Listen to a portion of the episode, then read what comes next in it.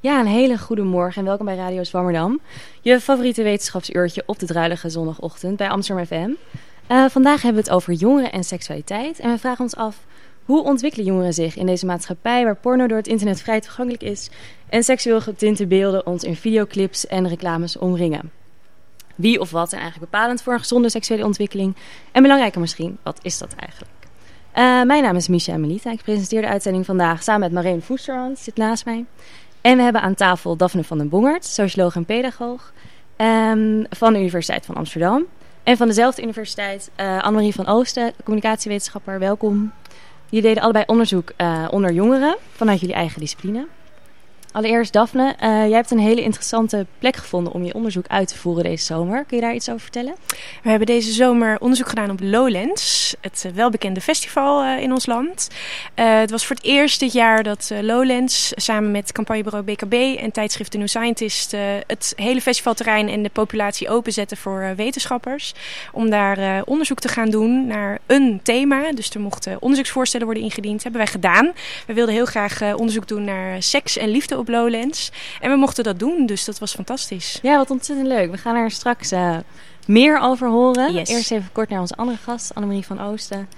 Uh, jij deed onderzoek naar sexy zelfpresentatie van jongeren. Hele mooie term. Kan je mm -hmm. kort uitleggen wat dat betekent? Uh, ja, het is eigenlijk heel simpel. De, de foto's die jongeren online uh, of op Facebook, Twitter, Instagram van zichzelf plaatsen... waarin ze er sexy uitzien eigenlijk. Dus of een sexy blik of schaars gekleed. Uh, dus dat maakt eigenlijk sexy zelfpresentatie. Oké, okay, ja. top, dankjewel. We gaan het er straks uh, over hebben. Uh, ja, thema jongeren en seksualiteit, spannend onderwerp. niet alleen door de media, maar ook door waar jongeren zelf doorheen gaan, puberteit. En we hebben vast allemaal vreselijke herinneringen aan seksuele voorlichting. um, dus dat wil ik even met jullie herbeleven met het volgende fragment. uit Teen Talks, een educatief programma van Nemo. Uh, dat op speelse wijze vertelt wat er allemaal gebeurt in je lichaam tijdens de puberteit. Gaan even luisteren. We zien twee mooie exemplaren, homo sapiens, jonge mensen. Je ziet ze zijn wat in de war. Niet zo gek natuurlijk. Het kan nu elk moment gebeuren. Kijk, het meisje gaat eerst, zo hoort dat. Ze weet niet wat er overkomt.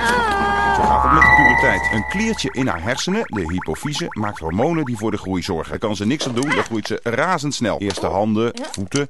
Kijk eens, die heeft nieuwe schoenen nodig. Vanaf nu gaat het hard. Wat is dat, wat is dat? De borsten die beginnen zich nu te ontwikkelen. Tien jaar, moet je nagaan. Het meisje is er wel eerder bij dan de jongen, hè? Zie je dat? De jongen staat er maar. Ho, de jongen moet er nu ook aan geloven. Terwijl het meisje al schaamhaar begint te krijgen, begint de jongen pas aan zijn puberteit. Het meisje gaat als een speer. Schaamhaar en borsten in de groei en in de lengte schiet ze ook omhoog. Dat is grappig. Ze groeit zo snel dat ze het zelf niet meer kan bijbenen. Ze heeft haar lichaam niet meer onder controle. Oeh, dat moet pijn doen. Ook schoenen voor de jongen. Hé, hey, dat is, die ziet van alles gebeuren in de onderbroek. Zijn ballen worden groter. Tenminste, ja, dat gebeurt het eerst. Dat groeit er allemaal hard. Na de ballen wordt de penis ook groter. Het kan ook zomaar zijn dat hij zometeen een erectie krijgt. Dat gaat soms vanzelf. Een beetje geluk kunnen we daar nog wat van zien. Het meisje zit nu volop in de groeispurt, zie je? Met haar armen en benen is het het bovenlichaam dat langer wordt. En nu zijn haar heupen en dijbenen aan de beurt. Het wordt allemaal breder, botten groeien en er ontstaat meer vetweefsel. De jongen krijgt nu wat schaamhaar, nu pas. En ook onder de oksels groeit wat. En die zegt helemaal de kluts kwijt, gaat hem veel te snel. Het lijkt wel een dronken marionet. Links, rechts, toch maar links. En er is iets schrappers bij zijn hals. Hij ontwikkelt een adamsappel. Leuk is dat, hè? Echt zo'n bobbel. Die zorgt voor een lager stemgeluid. Ai, ai, puistjes bij het meisje. Ja, de huid wordt vetter in de puberteit. En dan krijg je dat. Maar ja, dat gaat later weg. De ijsprong kan elk moment aanbreken. Ah, prachtig. Volgens mij wordt ze nu toch echt vruchtbaar. Het meisje heeft haar eerste menstruatie. Dat schrikken zijn de eerste keer. Ja, ja, ze schrikt er ook wel van. Ongesteld zijn heet dat in gewoon Nederlands.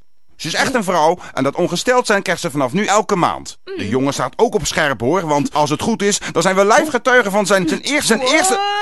Zaadlozing. Ja, ja hoor. Wat een mooie. De eerste zaadlozing.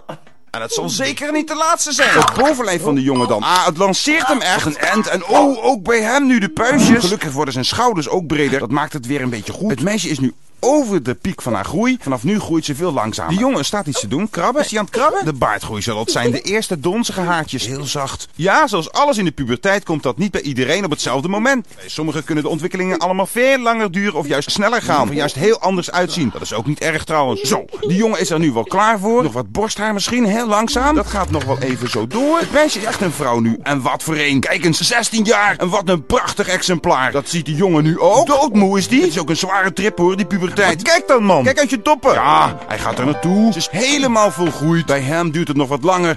Mooi hoor. Fascinerend om er zo bij te zijn. Elke keer weer. Ja, we zijn terug uh, bij Radio Zwammerdam. Ik had het fragment uitgekozen omdat ik er zelf een beetje ongemakkelijk van werd. Wat is uh, het effect op jullie? Ja, ik moest wel ook een beetje lachen. Ik vond het wel heel entertaining. En ik moest wel meteen denken, dat ik dacht, ja, volgens mij zijn wel dit soort fragmentjes, en zeker op YouTube, wel goed. Omdat jongeren dit gewoon in hun eigen tijd kunnen bekijken en er ook misschien een beetje om kunnen lachen. Dus ik dacht van, nou ja, ik vind het wel goed dat ze dit soort materiaal maken. Want het, ja, nou ja, dan hoef je het niet zo awkward met je ouders te bespreken of met je leraar of lerares op school. Dus ik kreeg wel het idee van, nou ja, wel leuk dat ze dit Het is een leuke, snelle manier Ja, het is entertaining, dus dan komt het ook uh, ja, wat goed, beter over bij de jongeren. Ja. Dus, ja. Ja, het is een goede... Want uh, Daphne, tijdens jouw onderzoek op Lowlands merkte toen dat mensen het ook ongemakkelijk vonden nog om over seks te praten? Nou, we hebben daar met onze deelnemers ter plekke niet zoveel echt over seks gepraat. De deelnemers van ons onderzoek die wij tegenkwamen, die deden mee met ons speeddate onderzoek. Eh, dus dan hoefden ze met ons niet over seks te praten. Ze moesten vooraf wel allemaal een vragenlijst invullen... waar ook een paar vragen over seksualiteit in stonden... maar dat deden ze keurig zelf. Um, maar in mijn andere ervaringen met het praten over seks... met uh, bijvoorbeeld mensen die meededen met een interviewstudie... Ja, mensen vinden dat deels lastig. Maar eigenlijk is het een onderwerp wat de meeste mensen ook wel heel interessant vinden. Ook om daar over zichzelf uh, over te praten of over na te denken. Dus ja, je moet het altijd wel goed doen. Dus je moet wel begrijpen dat iemand het een gevoelig onderwerp kan vinden. Maar ja, eigenlijk heb ik er nooit heel veel last van gehad dat iemand dat echt niet wilde of heel vervelend vond. Oké, ja, misschien is het ook dat, net als in dit fragment, eigenlijk hoe explicieter je het maakt hoe toegankelijker het ook is. Ja, en dat zei Annemarie net ook, denk ik al, in, in iemands eigen taal. Dat is heel erg belangrijk. Dus uh, als je het hebt over seks, hoe wil je daar dan over praten? En dat moet je denk ik heel erg ook bij een persoon laten. Dus is het iemand die inderdaad heel expliciet daarover wil praten, of met allerlei termen eromheen?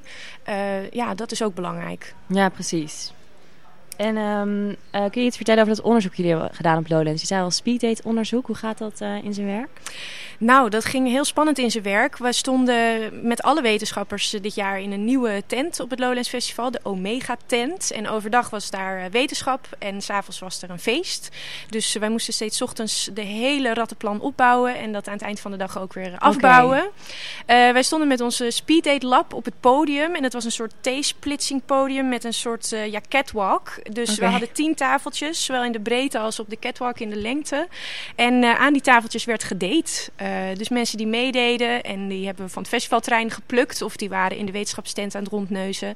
Die uh, mochten vooraf een vragenlijst invullen. We hebben iedereen een blaastest laten doen om te kunnen zien hoeveel ze op hadden. Uh, we hebben van mensen een portretfoto gemaakt waar we later mee willen kijken hoe aantrekkelijk iemand is in zijn of haar gezicht. ja, en toen werd er gedate. Drie minuten per ronde. Daarna de mannen doordraaien en de dames bleven zitten. Iedereen moest op een matchformulier invullen wat ze vonden van zijn of haar date. Was het een match, ja of nee? En, uh, het is ja, eigenlijk gewoon heel traditionele speeddate. Het was echt een echte speeddate. Ja. Dus dat was ook het leuke voor de deelnemers. Die deden echt mee met een uh, potentieel iets opleverende speeddate. Ja. ja, zaten ze ook allemaal zo daarin? Weet je dat? Of ze allemaal inderdaad echt single waren en op zoek? Ja, dat was wel de bedoeling. En in de loop van de drie dagen dat we daar hebben gedraaid, uh, werden we daar ook steeds kritischer in. Dat we beseften dat we tijdens die werving dan ook op het festivalterrein uh, wel echt even moesten vragen: ben je echt single? Hè? Uh, niet dat er mensen zaten die al bezet waren. En dat is voor het grootste deel zeker het geval geweest. Dus ja, er zaten echt geïnteresseerde mensen die een nieuwe vlam zouden willen ontmoeten. Ja. ja. Hebben jullie ook huwelijkskaartjes ontvangen of niet? Nee, dus nog niet. Maar daar zitten we natuurlijk wel heel erg op te wachten. Of nee, niet op te wachten, maar we zijn er wel heel benieuwd. Ja, het zou zomaar kunnen. Er hebben bijna 180 mensen meegedaan met ons, dus wie weet. Ja. Want jullie zijn nu in de koppelfase, toch? Ja, precies. Het is net uh, geweest, dus in augustus. Mensen hebben een paar weken daarna hun matchbericht ontvangen via de mail. Van nou, hoeveel matches had je en met wie dan? Zodat ze echt ook contact konden opnemen met elkaar. En we gaan op korte termijn de follow-up vragenlijst eruit sturen. Waarin we willen weten, hebben mensen echt contact met elkaar opgenomen, ja of nee? Uh, zijn mensen op date geweest? Wat hebben ze gedaan? Hoe was het? En ja, volgt daar nog iets uit. En wat leer je daaruit, uit die informatie? Nou ja, wat je met zo'n speeddate onderzoek kunt doen, is uh, ja, kijken naar relatievorming. Maar het interessante van zo'n opzet is dat je al kan kijken naar uh, individuele kenmerken voordat zo'n relatie echt vormt. In tegenstelling tot onderzoeken waarbij je uh, kijkt naar mensen die echt al in een relatie zitten met elkaar. Die kan je nooit meer bevragen voordat die relatie er was. En dat is zo bijzonder aan zo'n uh, opzet. Dus we weten nu wie die mensen waren voordat ze elkaar ontmoeten daar tijdens die speeddate op Lowlands. En ja, of dat voorspellend is voor een eventueel succesvol relatieverloop of succesvol dateverloop, dat maakt niet zoveel uit. Of een hele leuke seksuele ervaring, dat zou ook ja. een mooie uitkomst zijn. Dat is allemaal prima. En kijk je dan ook naar factoren als opleidingsniveau? exact. Ja, allerlei wat we noemen sociaal-demografische kenmerken, uh, opleiding, leeftijd, uh, etniciteit, al dat soort zaken. Maar ook uh, partnerwensen daar hebben we natuurlijk ook naar gevraagd. Uh, eigen persoonlijke kenmerken in persoonlijkheid, uh, impulsiviteit, mm. uh, maar ook attitude ten opzichte van seksualiteit. Al dat soort dingen gaan Wat we vullen mensen dan in bij partnerwensen? Nou, we hebben wel interessant, en daar gaan we dus straks allemaal naar kijken. Dus, dus daar kunnen we nu nog niet zoveel over zeggen. Maar we hebben mensen um, tien vragen laten invullen over hun eigen persoonlijkheid. En dan moet je denken aan dat er uit naar voren komt hoe extravert iemand is of juist niet. En we hebben precies die tien vragen ook gesteld over wat zou je ideale partner zijn. Oh ja. Dus we kunnen straks bijvoorbeeld kijken naar, hè, komt het nou overeen? Vinden mensen iemand interessant die op hen zelf lijkt of juist niet? Uh, en vervolgens kiezen ze ook de persoon in zo'n speeddate setting die ze eigenlijk graag zouden willen. Ja, precies. Dus uh, ja, dat wordt allemaal heel spannend om ja. dat uit te gaan zoeken. En ik, nog even een vraagje ja. over, wat is natuurlijk speed date, de naam zegt, dat is heel snel. Ja. Um, en ik vraag me altijd af, uh, is het zo dat als je een korte tijd hebt, maak je dan met name een inschatting heel snel op, de, op bijvoorbeeld de visuele kenmerken? Of dat je, er wordt natuurlijk gezegd, bijvoorbeeld de kaaklijn van iemand, dat zegt iets over iemands genetisch materiaal. Is het zo dat je daar veel meer op gefocust bent in een korte tijd? Of is het ook zo dat je ergens wel een heel goede intuïtie hebt over hoe iemand, wat karaktertrekken zijn van, van mensen? Ik denk allebei. En mensen zeggen natuurlijk vaak dat je in een fractie van een seconde al weet of het iets is, ja of nee. Maar dit zijn precies dingen die wij wilden onderzoeken. En daarom hebben we iets heel bijzonders gedaan in onze speeddate studio op. We hebben normale speeddate sessies gehad, waarbij mensen elkaar ook gewoon zagen. Waarbij je dus dit soort dingen kunt gaan bekijken. En we hebben een paar blinde sessies gedaan, waarbij mensen een slaapmasker op hadden en elkaar niet konden zien. En dan willen we juist dit soort dingen gaan onderzoeken. Uh, maakt het nou iets uit uh, als je wegneemt dat mensen elkaar op uiterlijk kunnen selecteren, maar echt alleen maar op het gesprek af moeten gaan? En wat zien we dan gebeuren? Je hebt nog geen resultaten. We zijn uh, daar natuurlijk al wel een beetje ingedoken en we moeten dat nog een aantal keer checken. We hadden twee verwachtingen hiervoor. Aan de ene kant dachten we, nou, misschien in die blinde sessies worden mensen voorzichtiger, juist omdat je elkaar niet kunt zien. Dat mensen denken van ja, uh, ik, wees, ben iets kritischer op de inhoud van het gesprek voordat ik zeg ja, dit vond ik wel wat. En aan de andere kant dachten we, het kan ook zo zijn dat als je die eerste go of no-go op basis van het uiterlijk wegneemt, dat mensen echt meer luisteren naar de inhoud van dat gesprek en elkaar beter inhoudelijk weten te vinden. Dus dat waren onze twee verwachtingen. En het lijkt erop in de allerallereerste bevindingen, die we nog een paar keer goed moeten nachecken, dat het uh, het tweede is. We zien in de blinde sessies niet zozeer dat mensen meer nominaties geven, ja of nee, maar dat er meer wederzijdse matches zijn. Dus dat mensen elkaar beter wederzijds weten te vinden als ze elkaar niet zien. Dus dat is hartstikke interessant. Ja. De vraag is natuurlijk wat er vervolgens is gebeurd op het moment dat ze contact opnamen met elkaar. Waarbij het een van de spelregels was. Juist hierom dat ze ook even een foto naar elkaar moesten sturen. Van oh ja, wie is het eigenlijk? Want we kunnen natuurlijk niet doen alsof dat geen rol speelt. Dus, ja. dus dat was wel belangrijk. Maar wat gebeurt er dan? Dus als je nou toch eerst afgaat op de inhoud en pas later elkaar gaat zien heeft dat een andere, ander relatievormingsproces. Dat is heel spannend. Ja, dat heel weten spannend. we nog niet. Ja. Want je zei ook al dat jullie die foto's gaan scannen op aantrekkelijkheid in het gezicht. Ja. Hoe doe je dat? Wat uh, zijn aantrekkelijke dingen?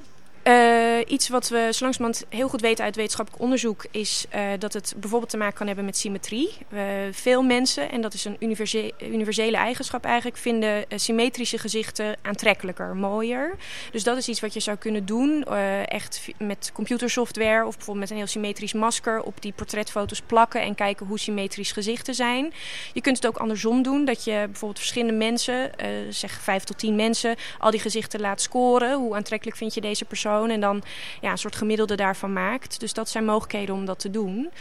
Nou, waarbij dus de vraag is of mensen die in hun gezicht aantrekkelijker worden gezien door mensen of door zo'n computerprogramma, of die nou succesvoller zijn in zo'n speeddate. En is daar een verschil tussen mannen en vrouwen? Worden vrouwen eerder op symmetrie beoordeeld dan mannen bijvoorbeeld, door vrouwen? Uh, volgens mij is dat vrij gelijk. Uh, er zijn wel wat verschillen in wat vrouwen daarnaast nog aantrekkelijk vinden uh, voor een potentiële partner.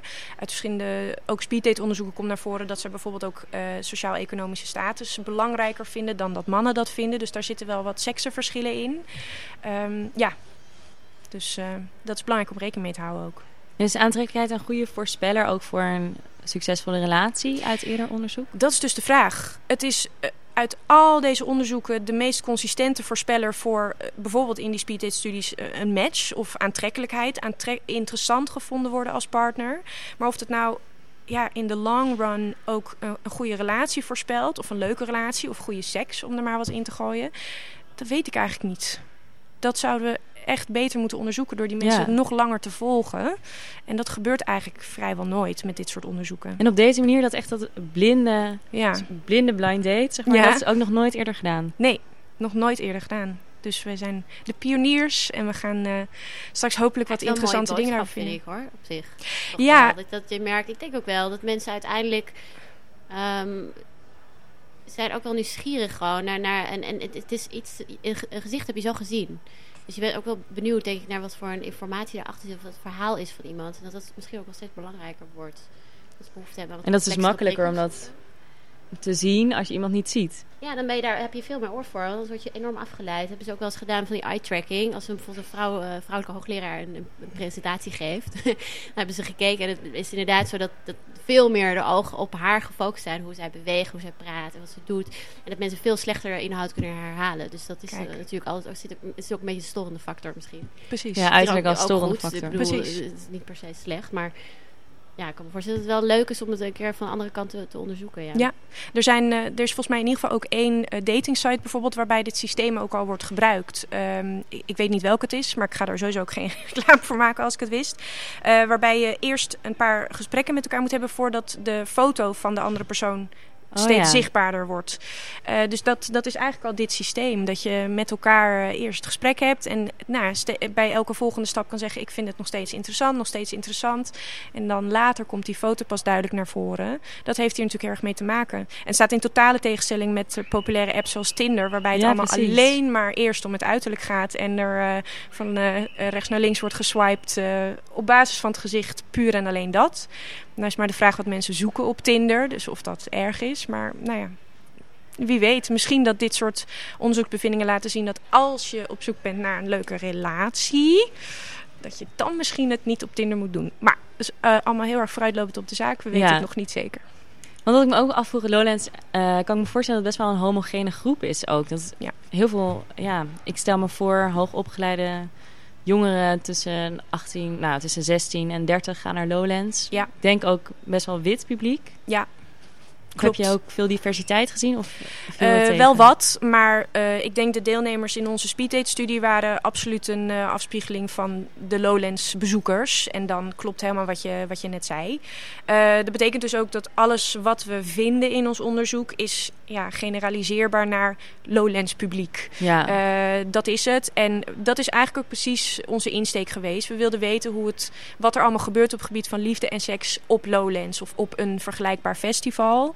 Um, ja, en, en dat, dat is dat. We, we zien dus ook al bijvoorbeeld dat als we het vergelijken met eerdere speeddate-studies in Nederland, waarbij er een veel breder publiek meedeed, uh, dat er bij ons onderzoek veel meer uh, matches naar voren komen. En dat heeft inderdaad alles te maken met dat het vrij gelijkgestemde mensen al zijn die daar zaten te speeddaten. Oh ja.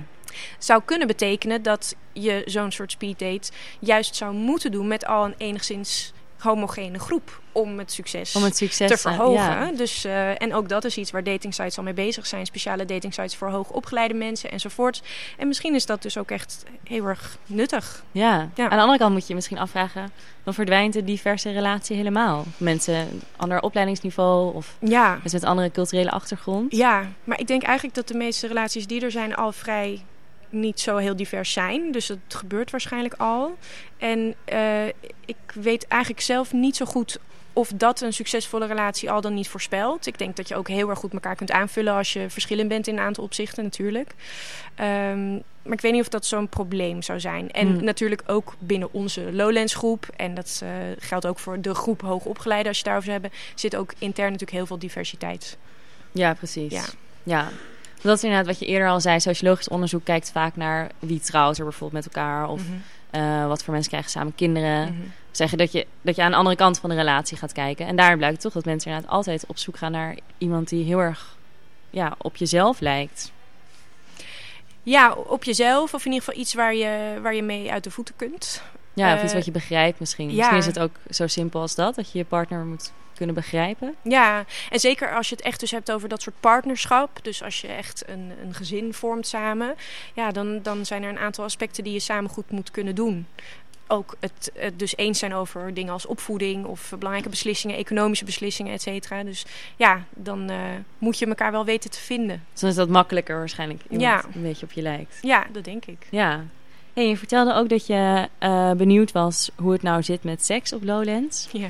Ehm, ja, een beetje die- het stereotype idee van eh, die zweterige tentjes waar mensen dan eh, een beetje gaan fozen. Mhm. En eh, wat, vond je, wat vond je daarvan? Of, we hebben dat gedeelte van het onderzoek eh, gedaan met een, een zogenaamde dagboekstudie. Waarbij we heel graag wilden dat Lowlands-bezoekers eh, een aantal keer per dag via hun smartphone eh, een online vragenlijst voor ons invulden.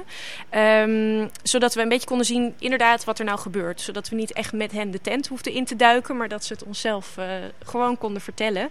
Eh, en er heeft inderdaad ook wel een groep eh, mensen meegedaan met ons. Maar we moeten sowieso al die eh, gegevens nog mergen over al die dagen heen. En de groep deelnemers is ook niet zo groot dat we straks echt kunnen zeggen van nou op Lowlands gebeurt er dit en dit en dit. Het is een Mhm. beetje een, eh, een selectieve groep geweest wat dat betreft. Dus ik, ik weet denk niet dat we straks kunnen zeggen dit is hoe het gaat op festivals. Betekent ook dat het ja, moeilijk is om zo'n vraag te beantwoorden. Dus via zo'n online vragenlijst een paar keer per dag is niet de way. Dus misschien moeten we toch volgend jaar een he- hele grote groep onderzoekers eh, meesturen om echt te gaan observeren ja. wat er allemaal eh, met wie de tent in gaat. Dus ja, of dat eh, mensen achteraf weet. vertellen wat ze hebben gedaan. Ja, precies. Achteraf rapportages. Dat, dat zou ook zeker kunnen. In België is een heel groot vragenlijstonderzoek geweest.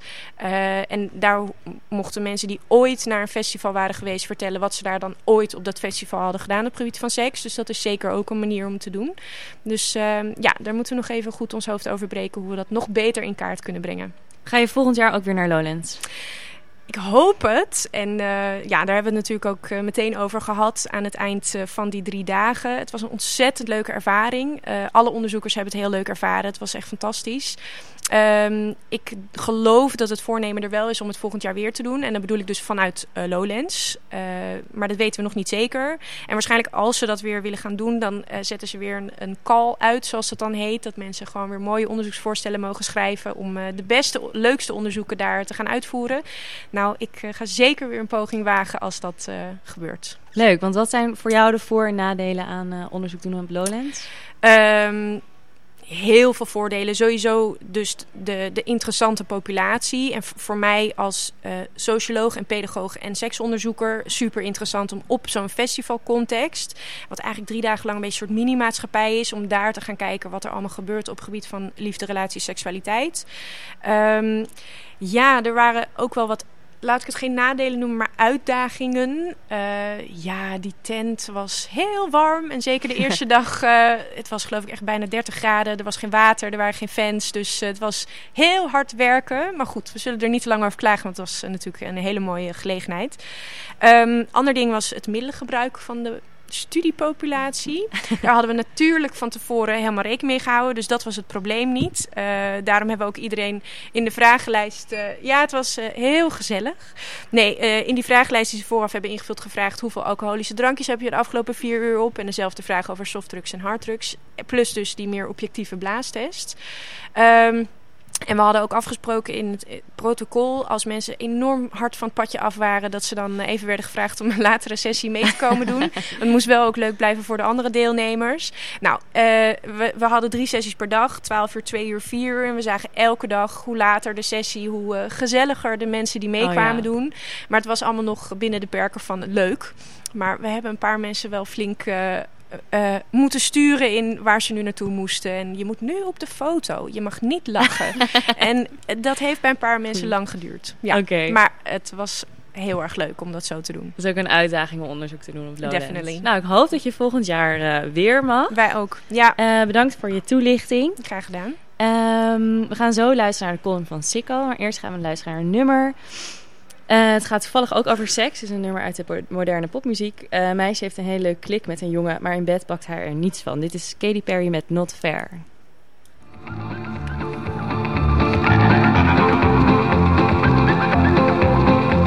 He treats me with respect. He says he loves me all the time. He calls me 15 times a day. He likes to make sure that I'm fine. You know, I've never met a man who's made me feel quite so secure. He's not like all them other boys, they're all so dumb and immature. There's just one thing that's getting in the way. When we go up to bed, you're just not good. It's such a shame.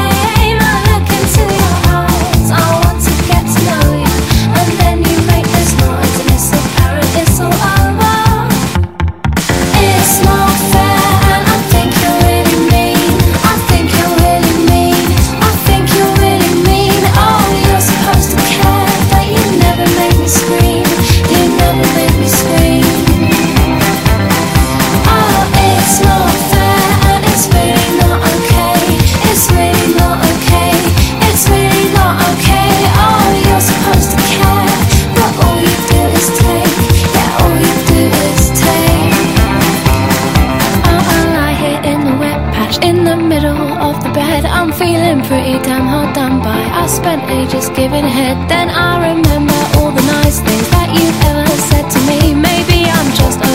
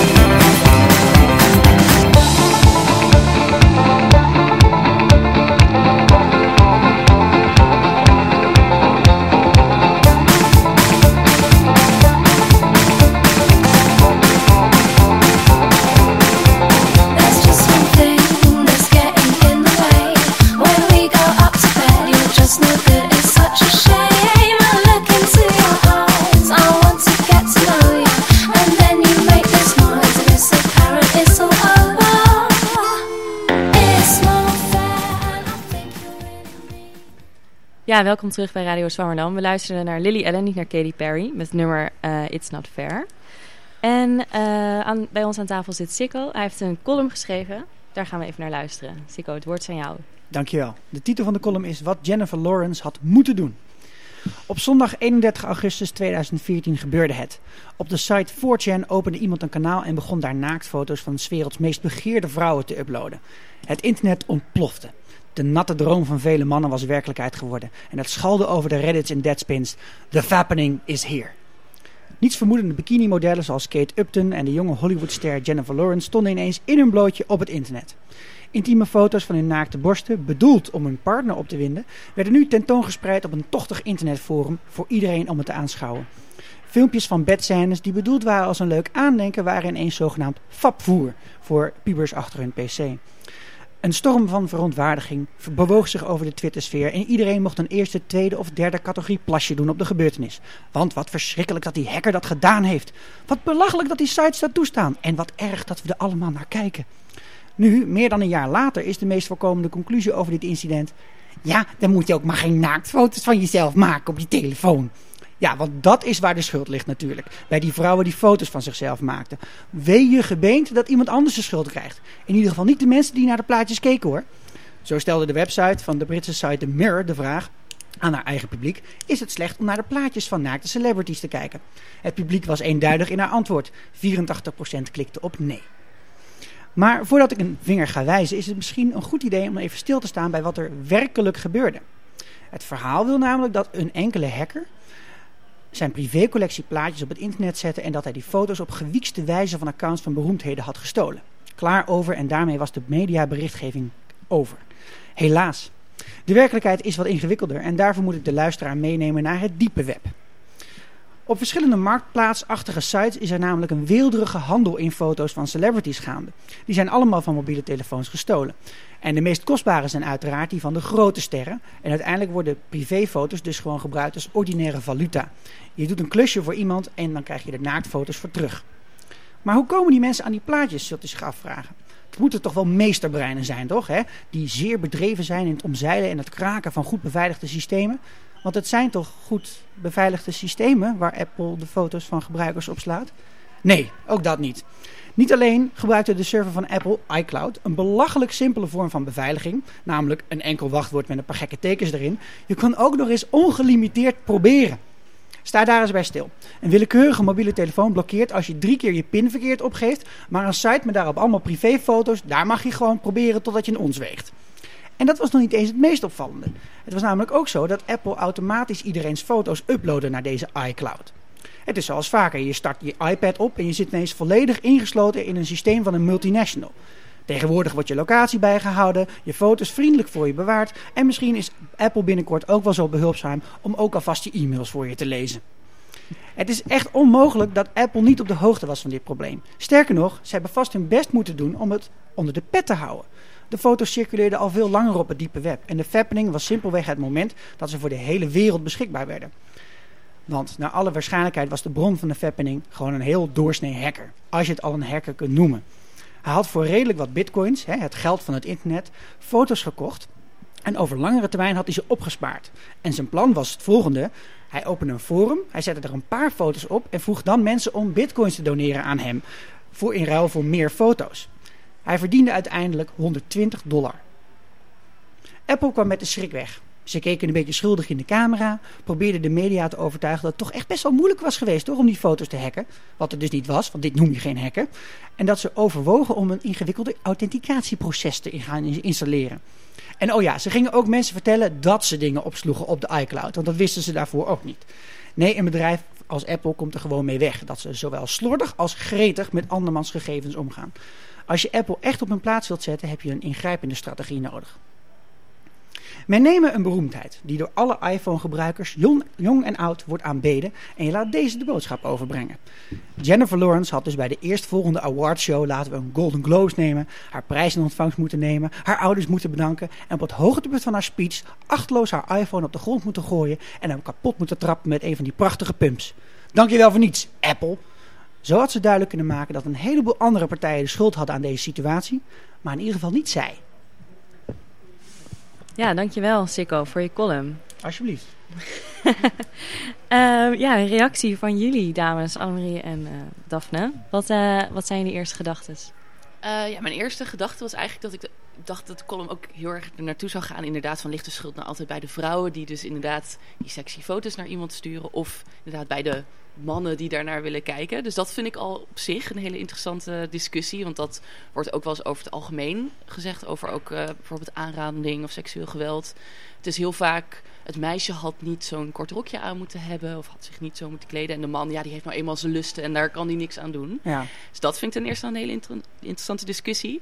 En dat het op een gegeven moment naar ja, Apple toe ging en eigenlijk die beveiliging en hoe weinig we eigenlijk weten over uh, nou ja, onze data en of dat beveiligd is. Dat vind ik ook iets heel interessants, want dat is iets waar ik ook steeds meer voor wil pleiten. Gewoon die media literacy eigenlijk. Mensen en ook vooral jongeren moeten ze veel meer bewust worden gemaakt van, nou ja, weet je, wanneer is data veilig? Wanneer kan het worden doorgestuurd naar mensen en wat voor implicaties heeft dat? Dus wat dat betreft ben ik het er helemaal mee eens dat uh, Jennifer Lawrence zoiets zou moeten doen om ook even die boodschap te geven van naar mensen toe. Van denk na over wat er met je data gebeurt. Maar ook naar die bedrijven. Van er moet meer veiligheid komen. Op dat Want deze kennis ook. Ik heb afgelopen weekend uitgebreid gezocht ook naar. Van kan ik ergens een reconstructie vinden van wat er nou precies is gebeurd. Hmm. Maar de meeste media hebben zich daar helemaal niet mee bezig gehouden. Die zeggen gewoon.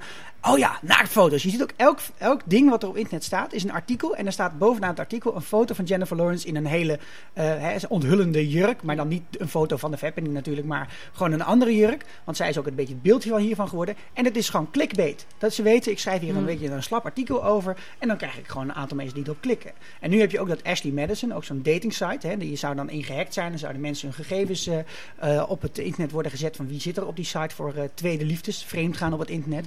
Maar het echte verhaal wat erachter zit, is dat Ashley Madison uit 95% mannen bestaat. 1% prostituees en de andere 4% wordt ingevuld met robots ja? Tekstrobots die Ashley Madison aanstuurt. Veel interessanter verhaal. Komt niet op, komt niet op tv. Komt niet in de media, want dat willen we niet horen. Nee, we, we klikken dus op naaktfoto's ja, en dat vinden we uh, leuk. sappige details die uitleggen. Ja, en dan eindigt de discussie dus bij... ja, dan moet je maar geen foto's van jezelf nemen. Dat vind ik echt de meest belachelijke conclusie. Zeker ook omdat de helft van die foto's... van het toestel van het vriendje van de celebrity afkwam Mm. bijvoorbeeld. Ja, dan kun je het al helemaal niet tegen hun zeggen dat het hun schuld is. Ja, en dat maakt de discussie meteen dood. Ja, Ja. ja. Ja. Ja. ja, maar echt opvallend dat niemand ook eh, inderdaad naar Apple wij- wijst in dit geval. Nee, ze hebben het echt ongelooflijk goed gespeeld. En dat is omdat zoiets als een iCloud, daar begrijpen mensen geen hol van. Het is gewoon een of ander soort ding. Het is echt een wolk. Dus misschien hebben ze het ook wel expres zo genoemd. Nee, het is gewoon een server ergens in de Eemshaven... waar alle foto's van eh, mensen die een account hebben bij Apple op staan. Dat is wat iCloud is. Hm. En als je dus, eh, wat, wat ze hebben gedaan, uiteindelijk is dat ze met een soort scanapparaatjes op eh, grote awardshows rond zijn gaan lopen om te kijken van wat, eh, wat zijn nou de namen van de telefoons van de celebrities. En die accountnaam op gaan zoeken. En toen hebben mensen dus echt gewoon wachtwoord, naam van de puppy van Paris Hilton, geboortejaar en dat soort shit uitgeprobeerd. Ja, zo ingewikkeld zijn die wachtwoorden natuurlijk niet. Nee. Ook niet van hun. En als je ongelimiteerd kan proberen, kun je gewoon er echt wel algoritme op eh, loslaten Ja. Brute force. En dat is dus ook geen hacker. Daarom vind ik het ook heel raar dat er een, een zweem omheen hangt van... nou, het waren hackers die dit... Nee, sorry, maar dit zijn gewoon sukkels. Dit kan echt mijn neefje van zes, kan dit ook. Ja, Wat een knap neefje. ja. Nou ja, ja Daphne, wat zijn jouw eh, gedachten hierover? Eh, nou, wat ik heel belangrijk vind in deze discussie en heel veel mis, hoewel daar destijds wel ook een poging toe is gewaagd, is toch ook, ja, wat mij betreft, het bizarre en het jammere van de morele paniek die ontstaat als we het hebben over naaktfoto's van iemand.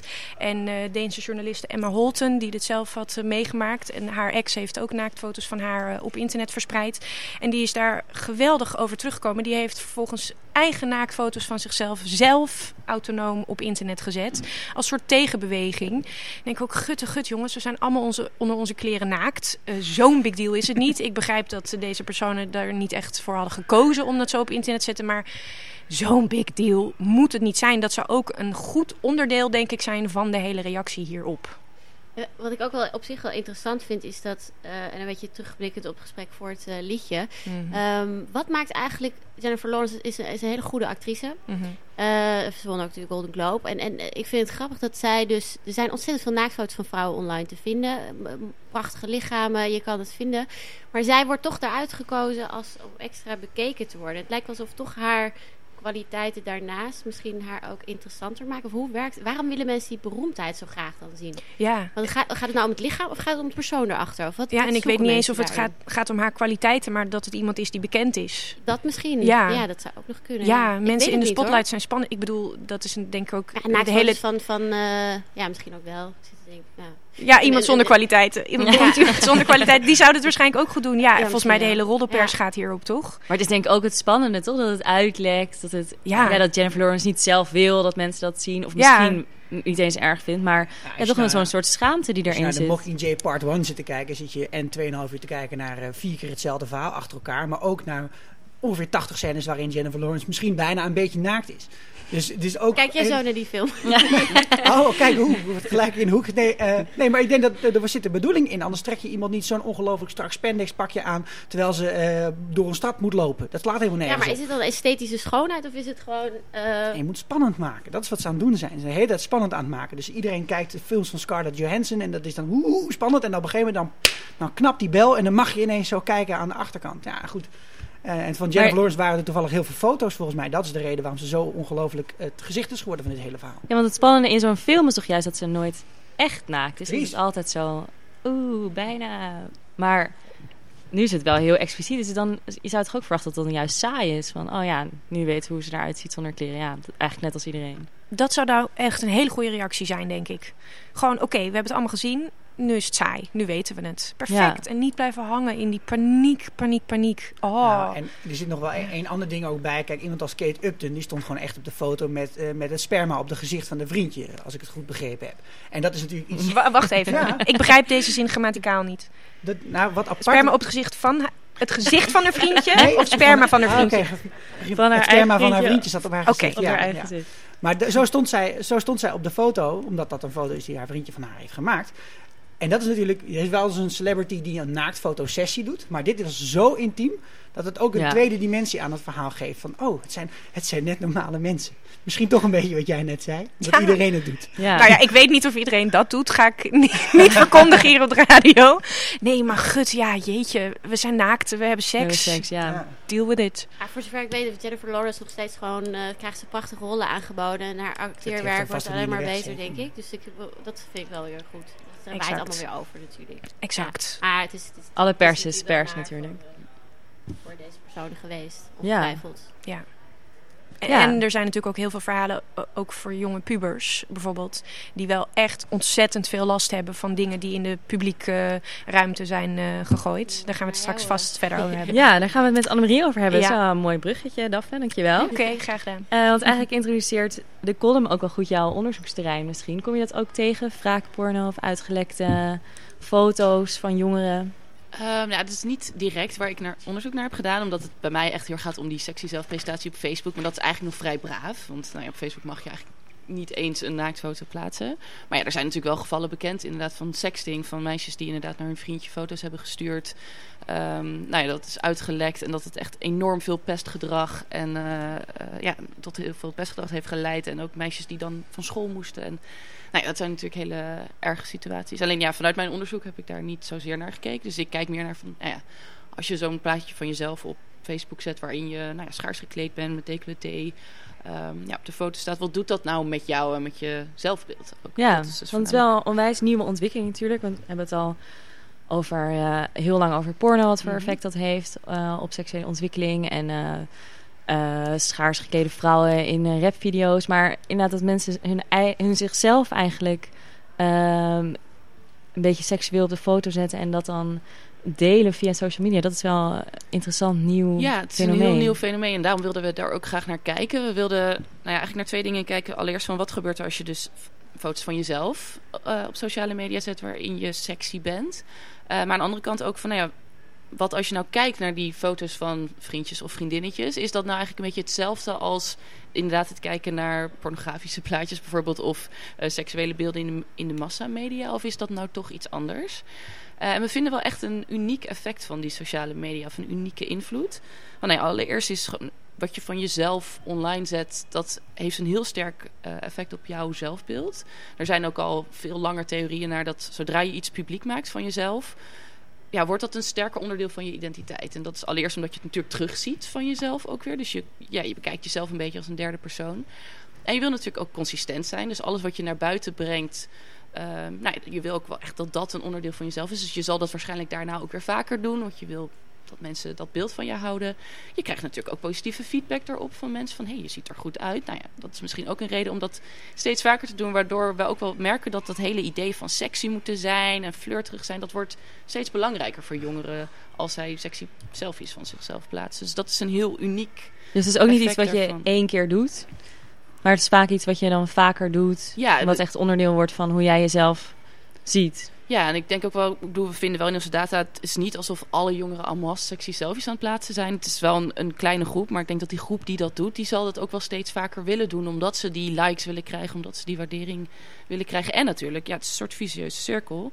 Ehm alhoewel vicieus is vaak negatief, het hoeft niet per se negatief te zijn natuurlijk, maar nou, je, je plaatst een sexy foto van jezelf, je krijgt er likes op, je gaat het steeds belangrijker vinden om sexy te zijn. Ja, natuurlijk ga je dan ook weer nog meer sexy selfies online zetten, want dat vind jij op dat moment een belangrijke eigenschap van jezelf. Ja. Maar doe En je dat is- dan alleen voor zo'n eh, momentopname voor een foto? Of zie je ook wel dat mensen dan in het dagelijks leven... bijvoorbeeld het meisje ook anders naar school gekleed gaan? Of is het een soort Ehm, blijvend iets? Ja, daar hebben we het, eh, niet direct naar gekeken. Maar ja, dat zou natuurlijk wel kunnen zijn. Want als jij het inderdaad steeds belangrijker gaat vinden om eh flirterig en sexy en verleidelijk te zijn, nou ja, dan ga je dat waarschijnlijk ook offline doen. En nou ja, wat wij dan ook wel in onze data vinden, is dat vooral jonge meisjes, adolescenten meisjes, die die sexy selfies op, op Facebook of Instagram zetten, die zijn ook vervolgens meer geneigd, of die staan meer open ook voor echt sexting gedrag. Dus het, ja, het wel sturen, eh, rondsturen van wat meer expliciete foto's van zichzelf. Dus daar merk je ook van, nou die grens wordt eigenlijk steeds verder gelegd. Of mensen ja, staan daar eigenlijk steeds meer voor open. Ja, want je had het over de positieve feedback die jongeren dan krijgen op Mhm. social media. Is er ook sprake van negatieve feedback op een Facebookpagina bijvoorbeeld? Ehm, nou ja, uit onze data blijkt het niet, maar ik weet wel bijvoorbeeld ook wat meer kwalitatief onderzoek, waar ze ook interviews naar jongeren doen. Er blijkt wel een soort grens te zijn. Dat je nou ja, op een gegeven moment als je te vaak te sexy foto's van jezelf zet, nou, dan kunnen vooral meisjes natuurlijk ook slet worden genoemd of ja, wat meer negatievere ehm, connotaties krijgen. En eh, ja, ik weet ook uit ander onderzoek dat je ja, het zijn vooral eigenlijk de populaire meisjes die ermee wegkomen. Maar als je zelf niet zo heel populair bent en je gaat dan sexy foto's van jezelf online zetten, kan dat nog wel tot negatieve Oké, oh, dus dat is eigenlijk niet verstandig ook. Eh, nou ja, of het niet verstandig is, altijd lastig te zeggen. Maar ja, dat, dat- ja, dat is een risico wat je dan loopt, dat je dan eh, wat negatieve reacties. Je kunt dus niet populair krijgen. worden door een sexy foto op Facebook te zetten. Ehm, dat zou ik eigenlijk zelf niet kunnen zeggen. Misschien wel, ja. Ik bedoel, als je hele mooie foto's van jezelf zet, kan je daar misschien ook wel populairder door worden. Maar dat, ja, daar heb ik niet direct eh, naar gekeken. Of, eh, En ik kan me ook voorstellen dat het wel misschien een. eh, het heeft ook een invloed op, op de seksualiteit zelf. Want je Mhm. bent, als je zo esthetisch georiënteerd bent. Dat je bijvoorbeeld tijdens de seks ook veel meer be- de hele tijd bezig bent met hoe, hoe zie ik eruit of hoe word ik beoordeeld. En ik denk dat dat, nou ja, dat de meeste, de meeste mensen zullen seks meer zien als juist iets waarin je een beetje alles loslaat en, en niet Mhm. zo gefocust bent op, ja, Ja. op wat, wat er direct gebeurt. nee, Ik weet niet hoe, hoe dat eh, wordt ervaren door, door jongeren. Als ze dan, zijn ze ook meer zelfbewust zeg maar, van hun uiterlijk tijdens de seks? Ehm, nou ja, wat we wel weten, maar dat is een discussie die nu ook gaande is in de literatuur. Dus we weten eigenlijk nog niet precies hoe het zit. Maar dat eigenlijk sowieso door de hele seksualisatie van alle media eigenlijk. Dus niet alleen sociale media, maar ook dat seks overal in muziekvideo's, op internet, in tijdschriften. Het is overal te zien. Ehm, nou ja, dat het zeker bij meisjes ook zo'n idee geeft van... nou ja, je moet altijd sexy zijn, maar voor een ander, zeg maar. Dus je moet eigenlijk de man pleasen met jouw seksualiteit. Maar het gaat eigenlijk heel weinig over van... nou ja, wat wil jij nou zelf als meisje? En waar, weet je, waar word jij opgewonden van? Of wat vind jij fijn? Eh, die boodschap wordt eigenlijk heel weinig in de media naar voren gebracht. Dus ik kan me voorstellen, ik, bedoel, ik heb er niet direct naar gekeken... maar dat dat dus wel eh, ook bij jongeren en vooral bij jonge meisjes... misschien hun beleving van seks kan beïnvloeden. Dat ze heel erg bezig zijn met van...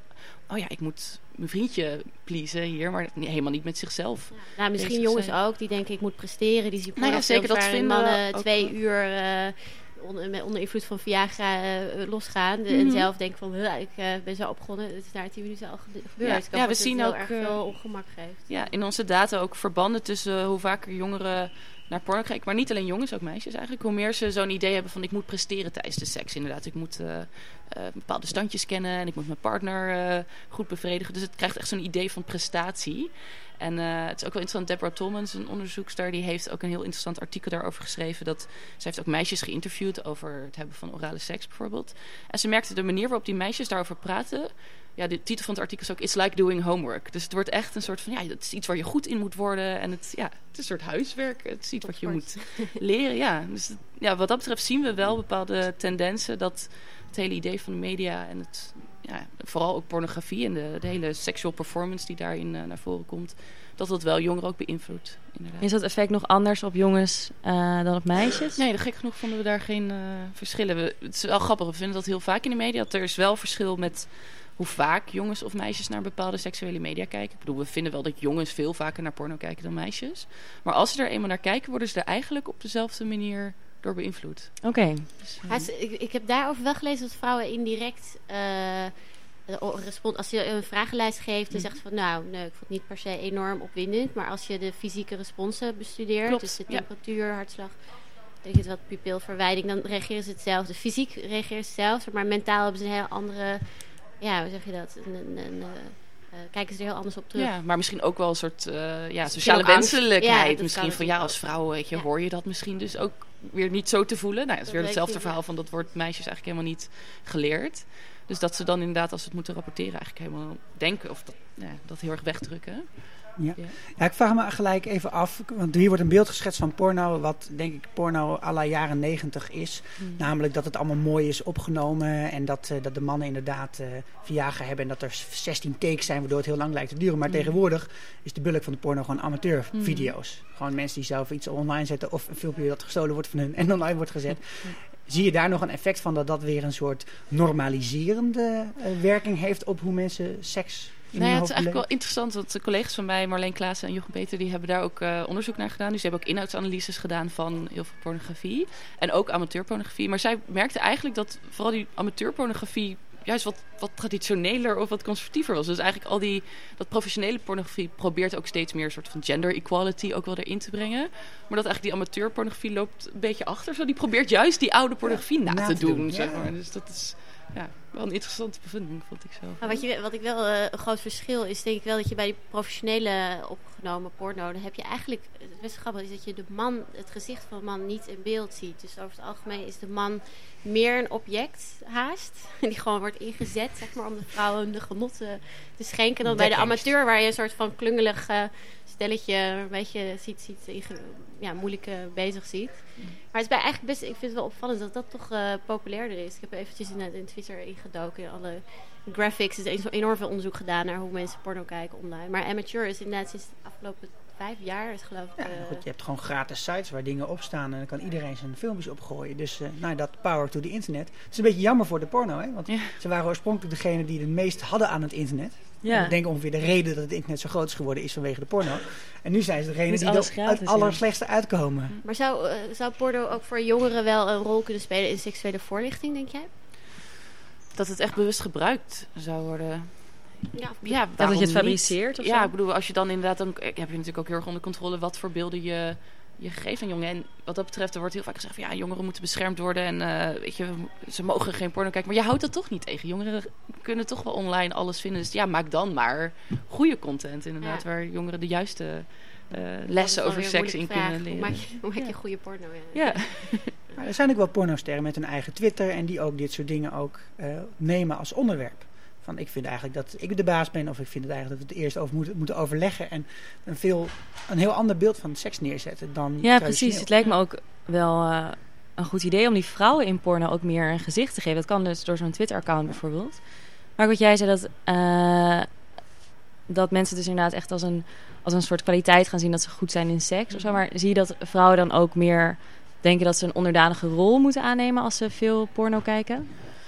Uh, dat vind ik lastig. Daar heb ik zo gauw zelf ook geen onderzoek naar gedaan en ook niet echt iets over gelezen. Maar ja, we weten wel dat, weet je, wat jij ziet in de media, dus ook bepaalde genderrollen en bepaalde verhoudingen. Ja, mensen nemen dat wel over. Dus het kan natuurlijk zijn als je heel veel naar porno kijkt, waarin de vrouw een ondergeschikte rol heeft, dat je dat dan ook op jezelf betrekt en denkt dat dat is hoe jij je hoort te gedragen als vrouw. Dus dat lijkt me wel aannemelijk in die zin. En merk je ook dat vrouwen zich toch schamen als ze porno kijken? Of jonge meisjes? Ehm, ja, het is nog wel meer een taboe. Al heb ik ook wel het idee dat het steeds meer verandert. Dat het ook wel steeds meer geaccepteerd wordt voor vrouwen en meisjes om ook toe te geven. Nou, ik kijk ook naar porno. Dus daar is wel ja, een tendens in die aan het veranderen is. En sowieso dat eigenlijk die verschillen die heel erg tussen man en vrouw waren ook in, in hoeverre je zeg maar casual seks mag of wil hebben.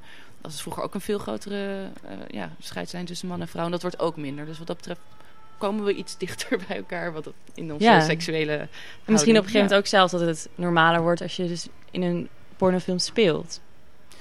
Uh, misschien ook wel. Ja, ik heb laatst ook interessante documentaire gezien over uh, meisjes in Amerika die dan kleine dorpjes willen ontvluchten. En dan dus inderdaad naar Miami of LA gaan om daar in de porno-industrie te gaan werken. Omdat dat nou ja, goed geld verdient.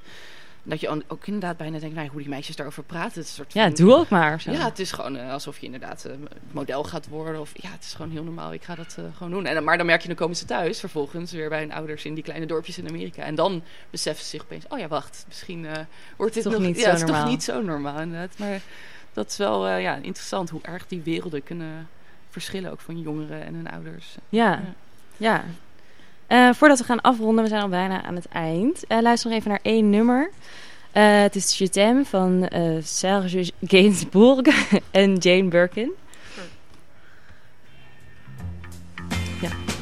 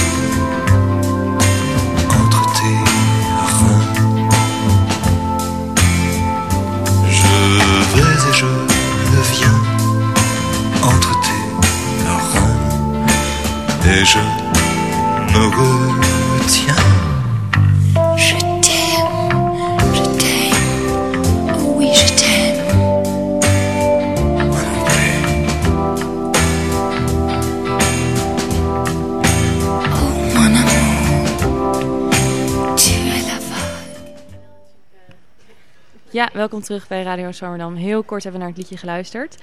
Uh, want we gaan afronden. We zaten aan tafel met uh, Annemarie van Oosten en uh, Daphne van den Bongert. ja, we hebben ons afgevraagd wat er allemaal van invloed is op jongeren en seksualiteit. Um, nog heel kort, waar moeten we nog heel veel onderzoek naar doen, Daphne? Hmm. Eigenlijk naar al dit soort dingen. Ja, uh, liefde, relaties, seksualiteit. Uh, en eigenlijk, uh, wat ik het belangrijkst vind, de afgelopen decennia zijn we in Nederland, maar ook internationaal, steeds meer gaan beseffen dat dit een normaal aspect is van ontwikkeling van jongeren, ook tijdens de puberte, puberteit, vroege puberteit. Um, dus we doen nu onderzoek naar hoe gaat het normaal, hoe gaat het gezond. Maar ik wil nog veel meer de richting op naar wat is positief. Wat is positieve seksuele ontwikkeling, positieve seksuele beleving. Wat zijn positieve relaties. Dat zou voor mij een heel belangrijke richting zijn. Ja, goed, dankjewel. Annemarie, wat is jouw uh, vervolgonderzoeksplan? Um, ja, het is eigenlijk wel interessant wat je zegt, want ik ben ook heel erg geïnteresseerd in juist die positieve kant ervan. Ja. Het wordt nu heel vaak een soort van nou ja, paniek over al die seksuele media en wat voor slechte invloed dat allemaal heeft op jongeren. Maar het kan inderdaad ook een soort van sexual empowerment zijn en dat jongeren zich veel meer bewust zijn van uh, hun seksualiteit. En ik denk ook dat jongeren in staat zijn ook om bepaalde dingen in perspectief te zien en kritisch te zijn. En dat daar ook bijvoorbeeld sociale media een hele belangrijke